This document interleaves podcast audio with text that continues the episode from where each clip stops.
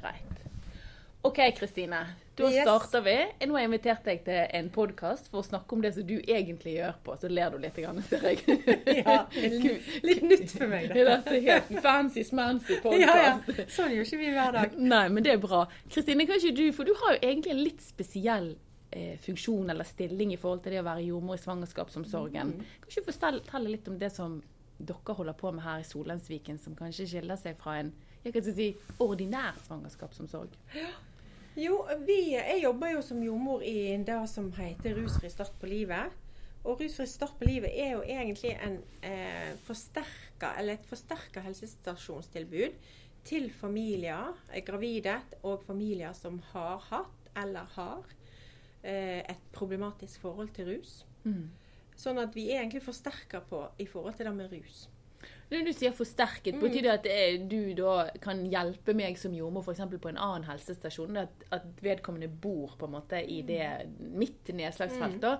Og så kan jeg anbefale hun å komme til deg, eller henvise til deg? Vanligvis er det jo sånn at en er delt i, i eh, byområdet, sant? og at en skal gå der en tilhører. Ja. Eh, Per i dag finnes det jo helsestasjoner rundt om i hele Bergen, men vi er byomfattende. Ja. Sånn at det betyr nettopp det du sa, at da kan, kan en henvise eh, de en tenker er, er, har behov for et forsterka tilbud eh, til oss. Men hvordan, hvordan kan jeg kartlegge at noen har et forsterket? Er det sykt enkelt? Um, det er jo ikke kanskje sykt enkelt, nei. Men det jeg tenker som, som er hovedjobben vår når vi møter kvinner for første gang, f.eks. i svangerskapsomsorgen som jordmor, så er det jo, ligger det jo en kartlegging eh, som en del av første eh, kontrollen Ja. hos jordmor. Der går en jo gjennom mange temaer, og bl.a. det med alkohol. Eh, Vi tweaker jo Ja. eh, alle gravide. Men òg i tillegg skal vi jo spørre om de har noe erfaring med tidligere rusmidler, eller med andre rusmidler.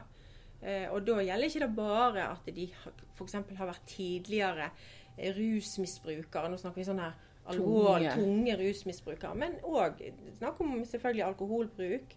Eh, og andre kan være reseptbelagt medisiner som de er avhengig av. Ehm, ja. Sånn at det ikke bare er tidligere rusmisbrukere eller kvinner som nettopp er kanskje blitt rusfrie vi har. Vi kan òg ha kvinner som har gått på sterke smertestillende medisiner over mange år, og som kanskje har problemer med å slutte. Mm. Eh, Sånn at det er egentlig selvfølgelig en viss eh, Vi tar ikke inn eh, Vi har noen telefoner som eh, omhandler kanskje mest sånn psykiske eller spesielle ting som kanskje gjør de ekstra sårbare, de gravide. Men vi, er på en måte, vi må på en måte ha litt av det der eh, rusbildet med, da. Ja, sånn at, eh, at eh, det som ja, For, for det, det er litt sånn viktig når du sier det. Mm. Når du sier rusfri start, så må jeg si at jeg sjøl tenkte liksom ja, det er tunge heroinister Ja, og, ja. og Subutex og, Mm. og Metadon. At det liksom, vi er der. Men egentlig så har du hele spekteret. Det betyr jo at det er Det er jo en ganske variert Det er arbeidshverdag du har, da. Men, men kan jeg stille et spørsmål? Det, er- for du snakket om at eh, du skal kartlegge gjennom tweak, og du kan ha tidligere rus, eller at du har stått på tabletter eller til alkohol. Får du alle i samme type gestasjonsalder, eh, uke da? Altså, eller, for jeg tenker at noen kan jo ikke ville si alt, og så kommer ting etter hvert. Vi har um, Vi kan jo si at veldig mange blir henvist fra Nav. eh, noen blir henvist fra jordmor ute i kommunen, fastlegen. Så det er jo veldig forskjellig når vi får de. Ja. Eh, det kan være helt ifra sånn vanlig tidlig uke 7-8 de melder seg, eller vi får en melding. Og så kan det være helt fra til siste måned. Så det er Ja. ikke sjeldent at vi av og til har Eller sjeldent så sjeldent, men det, vi har jo kvinner som eh, på en måte blir oppdaga i uke 36. Og så Ja. blir de da henvist her for å få svangerskapsoppfølging. Eh, og så er det jo Hvis det skal settes i gang kontrolltiltak med urinprøver og sånn, så er det jo Nav som kan bestemme det. Mhm. Eh, men det er jo klart at der vil jo vi eh, ofte tenke at de kanskje ikke har vært rusfrie, selv om de sier det. I de ukene som Ja. har vært der de faktisk ikke har vært på kontroll. Men det er ikke så kjempemange av de. Det er veldig mange vi får tidlig. Og som kanskje har vært rusfrie en stund før, Mhm. eller de slutta å ruse seg når de oppdaga de ble gravide. Ja. Eh, og så har vi noen kvinner som, eh, som har vært rusfrie i mange år, men allikevel ønsker å få en tettere oppfølging. Ja, sånn at, sånn at da kjenner de til tilbudet Mm. deres og søker deg eh, som privatperson, eller må alt gå via Alt går via. Ja. Du trenger ingen sånn formell henvisning for å komme hit. Du kan melde, altså du kan ringe sjøl. Noen vet jo om oss fordi de har kanskje venninner som har vært gravide, som er blitt fulgt opp av oss. Og så er det fastleger som er forhåpentligvis vet hvem vi er, og kan presentere tilbudet på en god måte. Mm. Navnet vårt Rusfri Start på livet har jo vært oppe til, oppe til diskusjon, for det kan være litt sånn, virke litt sånn eh, Jeg detter litt inn i den tanken. Så, Ja. altså, det blir litt sånn stereotypt. Ja, Ja, det Mm. blir det. Da, men vi greier liksom ikke på en måte å finne et sånt navn som vi tenker Nei, det kan jeg, det kan jeg. Men eh, eh, eh, ja Hva var det vi kom ifra, da? At det da var Hvem, hvem, hvem de var, sant? Mm. Um, og hvem som henviste. Var det Men, kom ja da, men det, men, det, men det gjør ingenting. Men det er jo en sårbar gruppe mm. mennesker som men, men hvis jeg da, la oss si jeg blir henvist Mm. til deg, eller søker opp, oppfølging hos deg, da blir jeg fulgt opp hos min jordmor i kommunen og deg, eller bare hos deg. Bare hos meg. Så da overtar du Mm. hele butikken. Så det som skjer, det er jo at de først kommer Hvis jeg får en henvendelse, enten fra damen sjøl, eller hva vil vi komme fra? enten fra damen sjøl, eller fra en fastlege, eller fra en jordmor, så vil det være sånn at jeg inviterer denne kvinnen da eh, til å komme og ha en sånn samtale med meg. Ja. Og det er jo for å presentere tilbudet. For det er en del forvirring omkring hva jeg er. ja. Eh, En god del er jo veldig opptatt av at de, altså, de, er litt, de føler at de blir litt kontrollert. Spesielt de som eventuelt får bestemt at de bør ta urinprøve for å kunne dokumentere at de er rusfrie da, i Ja.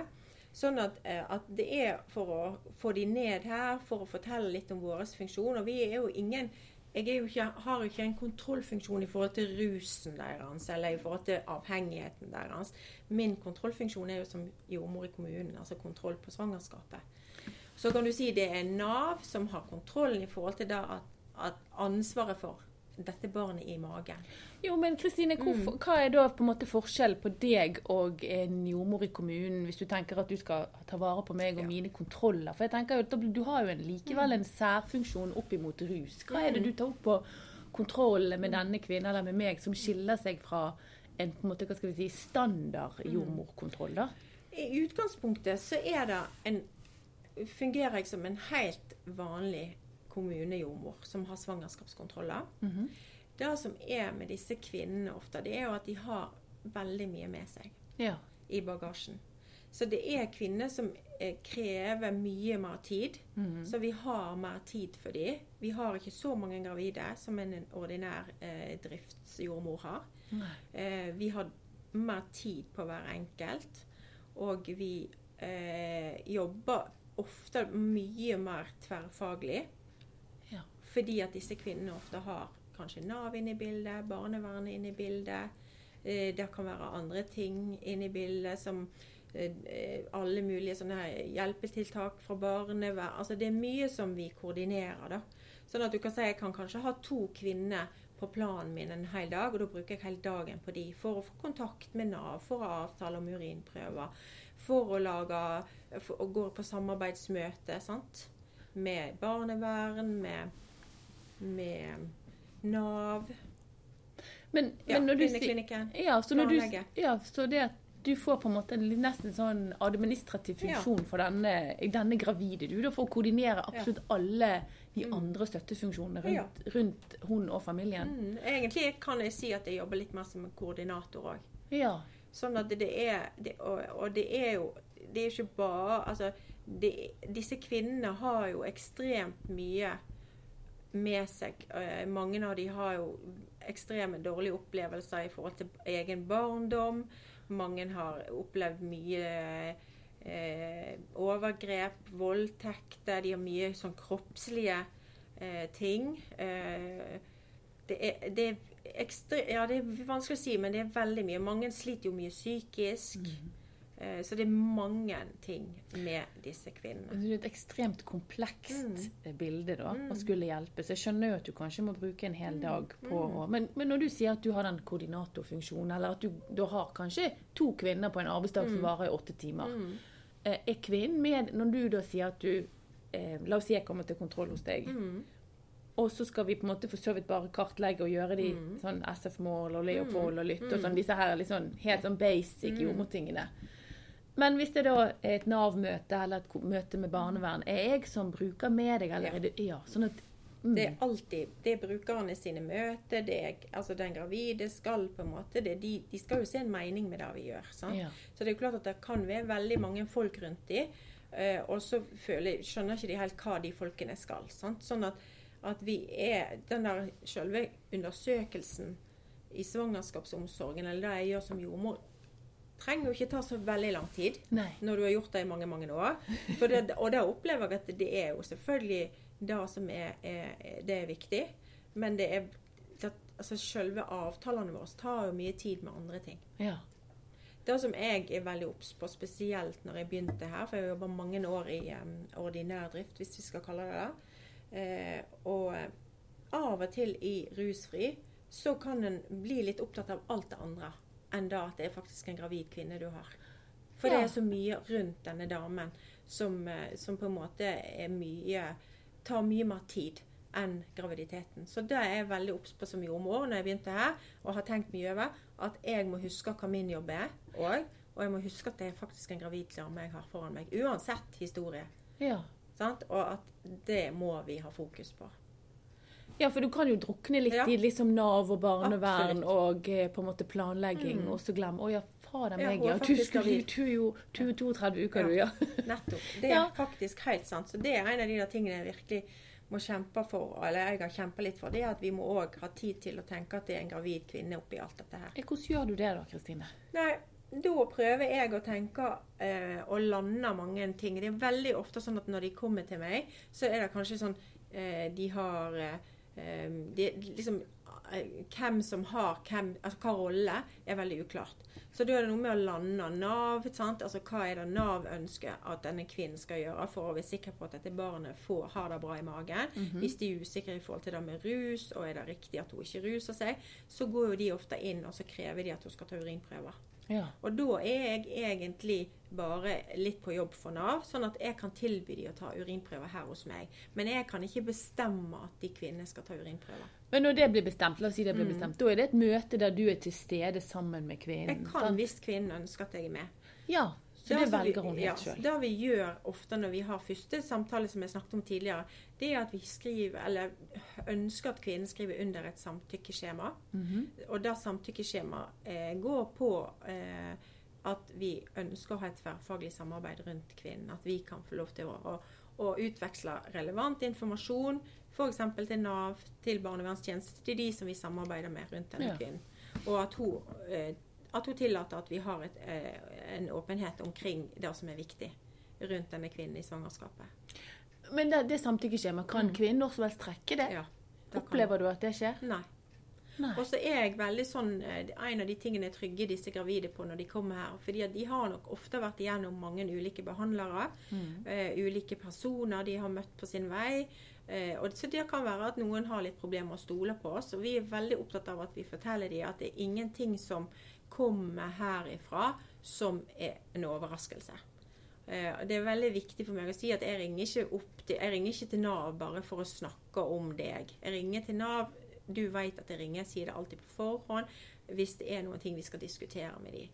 Sånn at det ser jeg at veldig mange setter pris på. da, at Vi er ærlige mot hverandre. Du er ærlig mot meg òg hvis ting blir vanskelig. Mm. Og så prøver vi å ha en sånn åpenhet, og at de skjønner hvorfor jeg vil ha eventuelt kontakt med de andre. Er jo fordi at jeg vil hjelpe henne. Og at ting skal lande, og at vi da kan begynne å konsentrere oss om det som òg er viktig for denne kvinnen. For det er jo noe med å forberede seg på det som skal skje framover. Ja, altså Hvis jeg skal se på en måte litt Mm. mitt perspektiv, siden jeg er jo jordmor sjøl, sant? mm. Eh, dette med tillit, så er jo det en erfaring når jeg står på fødesiden, Mm. at jeg erfarer ofte at det er et par eller en, en kvinne som kommer som i utgangspunktet har lite tillit egentlig til systemer generelt. Sånn at vi starter jo veldig ofte en relasjon med mistillit, hvis du Mm. skjønner. Vi er, vi, jeg er på minuskontoen før jeg har begynt. Mm. Erfarer du det noen ganger når du er her? Ja, før jeg på en måte får forklart litt hva min rolle er. Men hvor mye tid, altså hva strategier bruker du for å på en måte få min tillit? da? For jeg tenker at Dette kan du bruke jeg Ja. skal bruke til et Jeg svangerskap. skal og det. akkurat til å si det. Og det er òg en av de tingene jeg har lært meg veldig her, da. Det er at jeg ikke trenger å vite alt med en gang. Og jeg har muligheten til det. Jeg har ikke de bare et visst antall timer. Eh, målet mitt er jo at de føler at det er OK å være her. Og det er alt, jeg spør de ofte. Det er kanskje litt dumt spørsmål jeg tenker på, men jeg syns egentlig det er litt OK. Jeg spør de når de går ut herifra etter at de har møtt meg første gang, eller meg og kanskje en annen fra teamet. Så, eh, så spør jeg syns du det var greit å komme her i dag. Ja. Og da, da ser jeg at de aller fleste syns at Eller da sier de ja, det var det. For jeg tror de er veldig spent på hva som møter de. Og, og det har nok litt med at de ikke skjønner helt den der funksjonen helt. Sant? For de har gjerne ikke blitt forklart det helt fra de som kanskje henviste de. Mm. Eh, men det, jeg bruker lang, lang tid, og da har jeg lært meg at det er greit. Og det, vi får jo av og til, vi får sånn ekstern veileder. Vi har en ekstern veileder som kommer og hjelper oss litt av og til. Ja. Og, og det er noe med at da lærte jeg litt med. For det, vi har en tendens til av og til å se bare problemene deres. Sant? Vi ser ikke bak de. Og da var det noe med at prøv å ta det litt med ro. Prøv å legge problemene vekk, og så ser du denne damen istedenfor. Ja. Og så bruker du litt tid på det. Og da ser jeg at det er utrolig mye som kan skje bare på tre, fire, fem ganger. Eh, Sånn at jeg har kanskje kvinnen første gang i uke 15, eller 10 eller 15. Og da vil de egentlig ikke snakke om så mye. Og så lar jeg det egentlig bare være. Og så tenker jeg jeg har god tid til å bli kjent med deg. Og så etter hvert så kommer det veldig. Ja, men det er det som du sa med å se hvem er du som person, Mm. istedenfor å se hvem er du som rusmisbruker. Ja, ja, ja. Det er jo, eh, men det er sikkert en veldig lett felle å dette inn i. Ja, i hvert fall når du er ny i en sånn jobb. Da husker jeg i begynnelsen at det var veldig sånn at jeg tenkte jeg må få vite alt, og jeg må vite alt om det, jeg må vite hva du ruser deg på, og hva som er sånn og sånn og sånn. Men det er jo det er viktig, selvfølgelig er det det. For det er jo klart at det er noen kvinner som kommer her òg som eh, som ikke har noe kontrolltiltak. Og da kan jo du lure litt på hvordan skal jeg få henne til å tenke at det kanskje kan være lurt å ta urinprøver frivillig. De fleste tar det frivillig for å ha en slags dokumentasjon på rusfrihet sant, i svangerskapet. Men det er jo klart da òg er jo en sånn Vi skal trø litt forsiktig der òg, for mange kan bli litt sånn eh, ja, men jeg rusa meg for et år siden. sant? Jeg Ja. er egentlig på en helt annen plass enn hva du er nå. sant? Så vi må liksom um, De er veldig vare på akkurat de tingene, for de føler de er kommet veldig langt. Og så er de i en ny situasjon der folk kanskje blir litt sånn i tvil. Eh, Ja. Snakker du sant, gjør du ikke? sant? Ruser du deg, ruser du deg ikke? Røyker du hasj? Det, ja, det kan jeg kanskje. Nei, ikke så farlig. Det er mange sånne dilemmaer. Men, men jeg bruker lang tid på å bli kjent med dem. Og de fleste får, når de skjønner at jeg vil de vel, og de skjønner at jeg er interessert i dem, og jeg er opptatt av dem òg som gravid, ikke bare hva du har gjort før, eller hvordan du levde, og hva som Altså, det er jo ofte et godt Det er jo ofte et valg.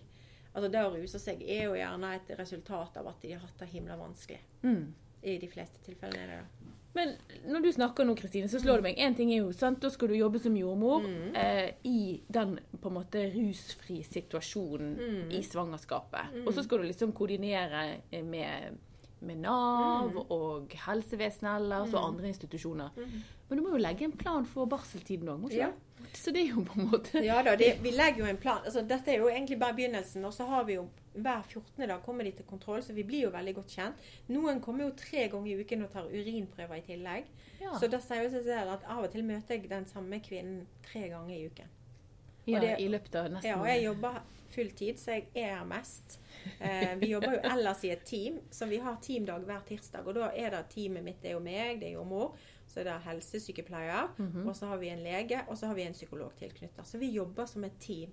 Ja. Så det vil si at jeg, vi er et lite team på selve helsestasjonen. Vi jobber eh, sånn sett, vi har jo kollegaene våre her, men vi jobber egentlig i det teamet. Sånn at vi prøver å la kvinnene bli kjent med hele teamet gjennom hele svangerskapet òg. Men det jo, må jo være veldig betryggende og for så vidt også veldig spennende å Mm. jobbe sånn i et som som du sa innledningsvis, tverrfaglig team. Mm. Men også helt nødvendig for å få egentlig denne kvinnen opp og gå. Veldig bra i mange tilfeller å ha, ha, ha den tette eh, kontakten med, med, med fag, de ulike faggruppene. Så. Men betyr det da igjen, hvis jeg tar meg som et eksempel, at hvis jeg bor da i Åsane bydel, som for de som ikke på en måte er fra Bergen, så er det nord for på en måte Solheimsviken og ikke Mm. hører til her. Mhm. Men betyr det da at det teamet ditt som da består av en helsesykepleier, at jeg får min oppfølging av helsesykepleieren i ditt team. Mm.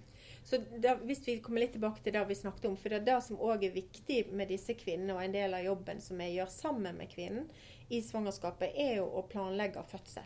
Ja. Planlegge innleggelse på kvinneklinikken, planlegge tiden etter. Og vi er jo et tiltak som gir de eh, muligheten til å bli fulgt opp etter fødsel, fram til skolealder.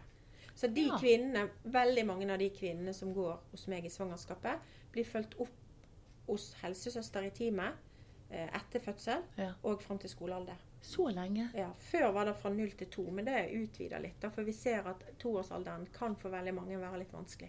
Ja, det Sånn at det var et veldig dårlig tidspunkt å så begynne å overføre de til lokale helsestasjoner. Sånn at det er blitt eh, gjort litt om på det. Men det er jo fantastisk i forhold til kontinuiteten. Ja, ja. Men da lurer jeg på en ting. Et sånn drop-out. Da tenker jeg siden, For du sier jo at ditt tilbud er jo helt frivillig. sant? Eh, la oss si at jeg er eh, litt sånn litt detter inn i stereotypen, men at jeg har et, et eh, Mm. Eh, og så er jeg inn under Nav og andre hjelpetiltak. Og, Hvis jeg ikke vil gå til deg, da, så kan jo jeg velge det ja, vekk. det er frivillig. Det er et frivillig tiltak. Så, eller ikke tiltak, frivillig eh, Tilbud. Tilbud, var det jeg skulle si. Men kan jeg da si eh, Men jeg vil gå til helsesøster etterpå? Altså, Ja. ja. Så du kan på en måte hoppe på i etterkant? Av og til er det jo det er ikke alle kvinner som har en, eh, en rusproblematikk før eller i svangerskapet som kommer til meg. Det er ikke alle. Vi ønsker jo å nå alle, men det er jo ikke alle som gjør det. sant? Sånn at, men av og til så er det jo f.eks. har de født Er det plutselig noe som en lurer litt på? Er det ting en tenker at denne kvinnen burde faktisk ha en, en, en, en, oppfølging fra et team som på en måte har, har eh, eh, kunnskap omkring disse tingene, så går det an å henvise etter fødsel.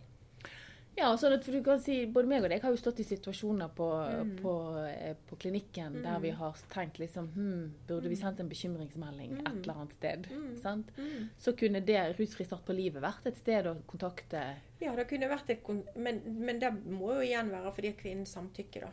Ja. Som bekymringsmelding blir, må jo Det blir jo noe annet Ja, igjen, det blir jo å sende en bekymringsmelding til barnevernet, selvfølgelig. Mhm. men, men eh, hvis en tenker Og det kan være tiltak for barnevernet òg, hvis det var at de ønsket at dette barnet ble fulgt opp hos oss. Sant? For Ja. da vet de at de, de har et forsterka oppfølging ja. på de barna òg. Og, noen, og, og, og spesielt eh, en av disse helsesøstrene vi har, er jo veldig flink på akkurat det der med, med å se på, på barn og, følge opp barn som kanskje har vært eksponert ja. i svangerskapet. Sant? Sånn at det skal jo være en del av vår eh, eh, hva skal jeg si, ekspertise. Det er jo at vi har mer kunnskap omkring de barna som da eventuelt blir født.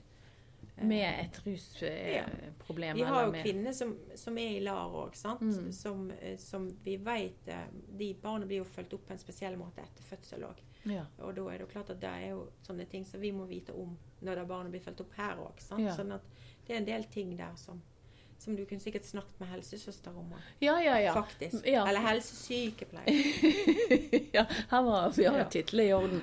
Nei, men altså, Kristin, du har jo gitt et ganske sånn eh, overordnet, men eh, viktig bilde på den jobben som du gjør her, og hvor krevende. Og jeg synes jo, hvis vi skal gå tilbake, så syns jeg akkurat det der med at Og det gjelder jo egentlig i en ordinær svangerskapskontroll. òg. Hvem er denne kvinnen? Hvem er du, og hva ressurser har du? For vi detter jo veldig fort inn i Hva problemer har du? Ja, ja. Så det er jo liksom den der helsefremmende eh, vinklingen eller brillen, istedenfor å hele tiden tenke sykdom og forebygging, og her er det kaos. Men også tenke at til tross for kaoset, så har disse personene også noen kvaliteter som er bra. Og det er jo det som er så viktig. Og jeg tenker at jeg tror kanskje det er derfor òg at jeg føler at jeg får veldig god kontakt med mange av disse kvinnene. Og de får veldig tillit til meg. Men det er jo fordi at jeg ser de òg som annet enn da de, de kanskje alltid blir sett på. Sant? For den er rusavhengigheten henger ved de. Ja, Den er stempel i pannen. Ja. Og de er drittlei der ofte. Og de, mange av de har på en måte føler jo at de er kommet ganske videre. Og så blir det en sånn her mm, påminning igjen. Hele tiden. På, Sånn at hvis en på en måte klarer å legge det vekk, og, og en har sikra For det, det er jo klart at det er jo min jobb å sikre at dette barnet i magen får et rusfritt svangerskap. Altså ved Ja. at jeg Hvis jeg er usikker altså, Men jeg er veldig sånn åpen og, Og veldig sånn ærlig mot de. Og så tenker jeg at jeg håper at jeg klarer å ha fokus på de som gravid, som kvinne, som venter barn. At jeg ikke bare er opptatt av rusen, for da trenger ikke vi være. For hvis alt er under kontroll der, så er jo egentlig min oppgave, sånn som du sier, å være, bare være jordmor der. Altså være en støtteperson. og veldig, Jeg har mye støttesamtaler. Mye av avtalene våre går jo bare på snakk. Da sitter vi i hver sin stol og snakker litt om livet. Og, Ja. og eh, de blir kjent med meg på mange måter. Så det er veldig ofte Det er utrolig givende, altså. Ja. Så den kontrollbiten i svangerskapsomsorg, altså sånn SF-mål, Leopolds, alle de tingene er jo kjapt for meg å gjøre hvis det er. Sant? Men jeg kan snakke mye når jeg står med de på benken òg. Så, så har vi ro på alt, alle de andre tingene rundt de, så kan vi begynne å konsentrere oss mye mer om denne babyen i magen. Og, og, og få den tilknytningen der på plass og sånt. Sant? Så har vi jo et ekstra tilbud i forhold til at vi, vi, de får ekstra tilbud på kvinneklinikken. Mhm. Og det er jo at de som blir fulgt opp hos oss, de får et par eh, ekstra ultralyder.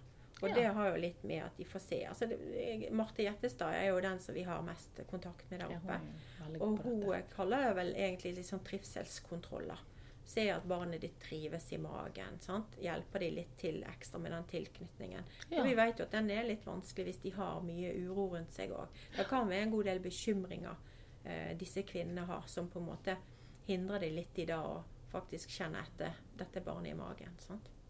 Ja, Det kan jo jeg forstå hvis de opplever Mm. typ, sant, at Nav er en kontrollør, Mm. at barnevernet er inne som en Mm. kontrollør, at de er Mm. inne på en måte til muntlig eksamen Mm. hver gang de er inne hos noen. Så, så blir jo bekymringen og fokuset rettet mot det istedenfor at jeg skal faktisk bli mamma og vi skal bli en familie. Så det er jo eh. Så det er litt av det som er viktig når jeg sier at en prøver å lande litt ting rundt de, altså At vi kan ha de der møtene med de ulike instansene, og på en måte sånn at kvinnen hører hva tenker det. Ja. Og så OK, men sånn er det nå. OK, da konsentrerer vi om, om det som er, er viktig for deg. Sant? Og da klarer de fleste å roe litt ned, og de klarer på en måte å, å skjønne hva min rolle er i dag, hva de skal gjøre på disse kontrollene, og at de får den roen. Så, så jobber vi litt med å forberede som jeg sa tidligere, til fødsel. Og da har vi ofte en avtale enten at vi har et fødselsforberedende møte på kvinneklinikken. Det er jo ikke blitt noe i disse koronatider. Men ellers så lager vi et slags fødselsbrev sammen. For det er veldig mange er jo veldig redd for òg å, og bli litt sånn stigmatisert når de kommer opp der. At alt begynner på nytt Ja. igjen. At du dette med Ja, rusen. sant? Ja. Og det, og ja, det, sånn at det som er vitsen med disse her brevene til KK, er jo at de på en måte får en, en liten sånn hva skal jeg si, oppsummering av hvorfor denne kvinnen blir fulgt opp hos oss, og, og hva er det som er skjedd i svangerskapet, hvordan er det ellers, og hva er planen hennes videre. Sånn at de på kvinneklinikken òg har en idé om hva de tenker. Altså, hvis det òg blir en bekymring, så vet de hvor de skal ta kontakt.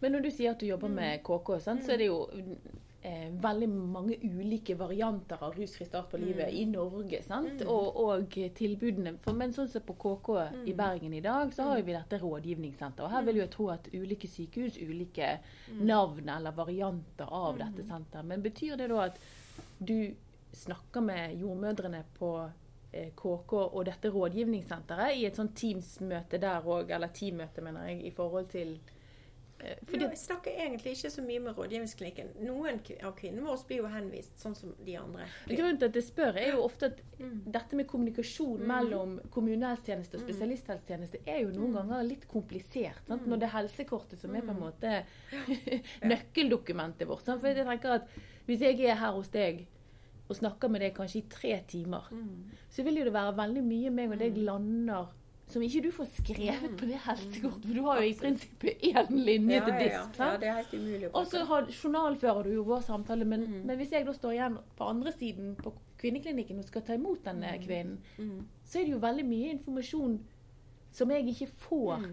Mm. Som kanskje er roten til at jeg begynner å pirke Mm, borti de. Altså jeg begynner å skrape av skorpen på de Ja, sårene som du har plastret. sant? Ja.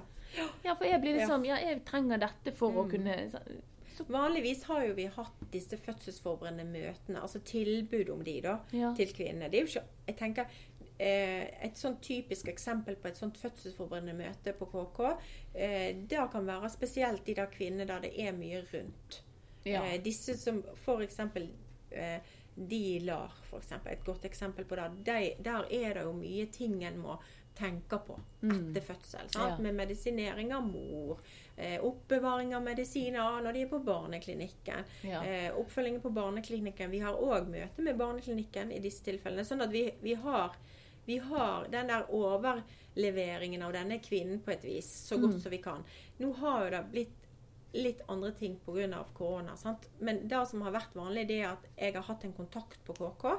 Eh, i, eh, nå er det litt eh, andre ting der oppe, så nå er jeg litt usikker på hvem som er kontakten. Men da har jeg avtalt med kontakten på KK møtene. Mm. Og det er et slags overføringsmøte. Sant? Altså Der en på en måte gir den informasjonen en tenker er relevant som er i, i forhold til fødsel, og at det skal ta vare Og på da den er alltid brukeren med deg? Ja, alltid. alltid. Ja. Det er et fødselsforberedende møte med bruker og jordmor som følger opp i svangerskapet, og en, en jordmor. eh, Nå var det avdelingsjordmor på barsel i sin tid Ja. som vi hadde, som var eh, på en måte den kontaktpersonen der.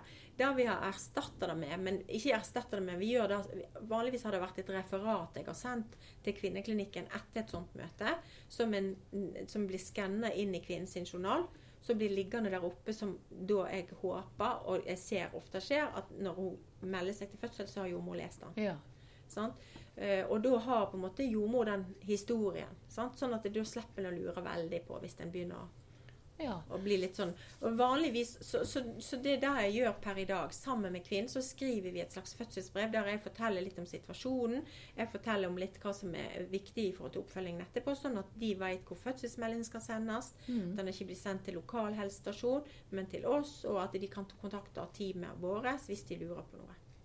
Ja, men da er det jo fantastisk å høre på deg, Kristine, og det dere gjør. Men det er ett siste spørsmål sånn eh, Mm. på tampen. For det som slo meg, det er jo at de får jo en enorm kontinuitet Mm. eh, i oppfølgingen. Mm. Og så skal du forberede dem på en fødsel Mm. der de kan møte hvem som helst. Mm. Hvordan, eh, hvordan er det, og hvordan er det, hva er viktig for meg som står da i den andre enden Mm. og skal på en måte sluttføre Mm. en tillitsopparbeidelse som du har brukt ukevis og timevis på, og så ser du mitt vindu er ekstremt. Ja, ja, ja. Hva er lurt å, å tenke på når jeg skal møte da en såpass veldig sårbar Mm. kvinne? Jeg tenker at hvis jeg har gjort jobben min riktig, vil si at jeg har på en måte sendt informasjon eh, videre eh, sammen med denne kvinnen, sånn at hun på en måte kan være trygg på at de som møter meg på kvinneklinikken, vet litt om meg. For det står jo 'rusfri start på livet' på eh, helsekortet deres. Mm. Eh, og det er jo klart at noen har erfaring med å bli møtt. F.eks. hvis de kommer opp til en poliklinisk kontroll eller en, nei, si en ØH, da, sant, lurer på om vannet mitt godt. Og så har ikke jeg fått skrevet det brevet fordi det er før si uke 36, da. Så blir de møtt med en sånn skepsis. At litt sånn Å, tidligere ja, sant? Mm. Og da har de av og til opplevd at det var veldig ubehagelig. Så det er jo det som er hele vitsen med at informasjonen er nådd til kvinneklinikken før disse damene kommer inn i fødsel, sånn at eh, jordmor forhåpentligvis har lest dette her og kan ta imot kvinnen og ikke måtte tenke på alt det der. For det er egentlig avklart. Denne kvinnen har ikke rusa seg i svangerskapet. Denne kvinnen har kontakt med barnevernet. Denne kvinnen skal følges opp i rusfri seinere. Denne kvinnen har tatt urinprøver som har vært negative hele svangerskapet. Sånn at alle de der punktene trenger ikke jordmor på kvinneklinikken tenke på, for der har vi kontroll. Ja. Det vil si at da kan egentlig jordmor på kvinneklinikken konsentrere seg om det som hun skal. Fødsel. Ikke igjen, sånn som vi snakket om tidligere, tenke på problemene. Ikke tenke på det at oi, oi, oi, her vet jeg ikke, her må jeg undersøke. Da kan hun faktisk møte denne kvinnen som hun vil, som, ville møte, som jeg forventer hun møter alle andre kvinner. Ja. ja, for det er jo det som ofte er litt vanskelig. sant? Noen ganger når du har litt lite informasjon. Men poenget er jo da, som du sier, at OK, prøv å sette rusen til side, Ja. og så se personen istedenfor. For hun har akkurat de samme behovene Akkurat. som en hvilken som helst annen. Ja. Så møt dem med respekt og omsorg. Det er ingen grunn til å ikke gjøre det, Nei, tenker jeg. men det er lett å dette inn i Det den eh, Fordi at du har lyst til å gjøre jobben din. Ja. Og det er litt det jeg har, jeg har lært meg. Jeg har bare jobbet her i tre år. Sant? -hmm. Men jeg har lært meg at jeg er kjemperedd. Og det, er ikke redd, men jeg har veldig lyst til å levere fra meg noe som er bra til lekene på KK. Ja. Jeg har veldig lyst til å levere fra meg noe veldig bra til mine helsesykepleiere som skal ta over. Mhm. Sant? Men det er jo klart at vi kan ikke gjøre all- alle vi kan ikke, Alt kan, ikke være superbra hele tiden. Men jeg tenker at det er akkurat sånn som du sier. det er ingen grunn til, hvis alt er kontrollert, alt er under kontroll her hos oss, og denne kvinnen har blitt fulgt opp, hun har vært ruset, det er ingen grunn til å ha så mye fokus på det der med at hun har rusa seg for to år siden, eller hun rusa seg fram til hun ble gravid. Det da har vi vært igjennom på et vis, og den kontrollen er gjerne der. Så klart at det oppstår da bekymring tilknyttet fødsel. Jo, men det er noe annet. Det er noe annet. sant? Må jo, det, da, men, men det er målet mitt. Det er jo at en da skal levere fra seg denne kvinnen, og at hun skal få en opplevelse på lik linje med alle andre, og så ikke ha den der rusgreiene hengende ved seg. sant? Nei, så det du egentlig sier at Helsekortet hennes er jo stemplet med Ja. rusfri start på livet. Ja. Da skal jeg som jordmor på i den andre enden tenke Hun blir fulgt opp. Ja. De har kontroll på. Yes. Jeg har ikke papirer på det her og nå, men det står jo her. Så ikke tenk på det. Det kommer. Og hvis de lurer på noe, hvis de lurer på noe, så står det telefonnummer. Det går an å ringe. Du, jeg lurer bare på ting. Det står sånn og sånn og sånt. Og så, OK, da Mhm. kan du ringe og snakke med oss. Ja. Eh, og så pleier jeg å si til kvinnene at hvis de, de, Vi møter ulike folk, og vi er ulike, vi som jobber òg. Og jeg pleier å si at til de de får òg ofte en kopi hengende på helsekortet, så det er ikke en unnskyldning at en ikke har fått nådd å lese journalen før de kom, disse kvinnene. Nei. For vi vet det kan være travelt. Ja, ja, ja, Det er ikke alltid vi får lest sist fødsel hvis de har født før. Eh, Men de får alltid en kopi av det brevet som òg ligger skanna inn i journalen deres på helsekortet. Så det ligger på helsekortet, eller med helsekortet. Sånn at det, det, der leser en det når, når de kommer inn. sant? Sånn at det, det bør Og jeg sier til damene hvis du får masse sånne teite spørsmål, som de kaller det, Les. så jeg vet du hva, du må lese brevet fra jordmor, Mm. eller som jeg har skrevet, og så kan du komme tilbake. Så da sa jeg til alle, der kan du fint si har du lest brevet i journalen min. Mm. Og hvis ikke, så kan du lese det her. Og så kan vi snakkes. Godt tips. Ja. Da tror jeg vi eh, runder av med det, Kristine. Takk skal du ha. Det var litt mye rot. Nei, nei, nei. Veldig bra. Takk.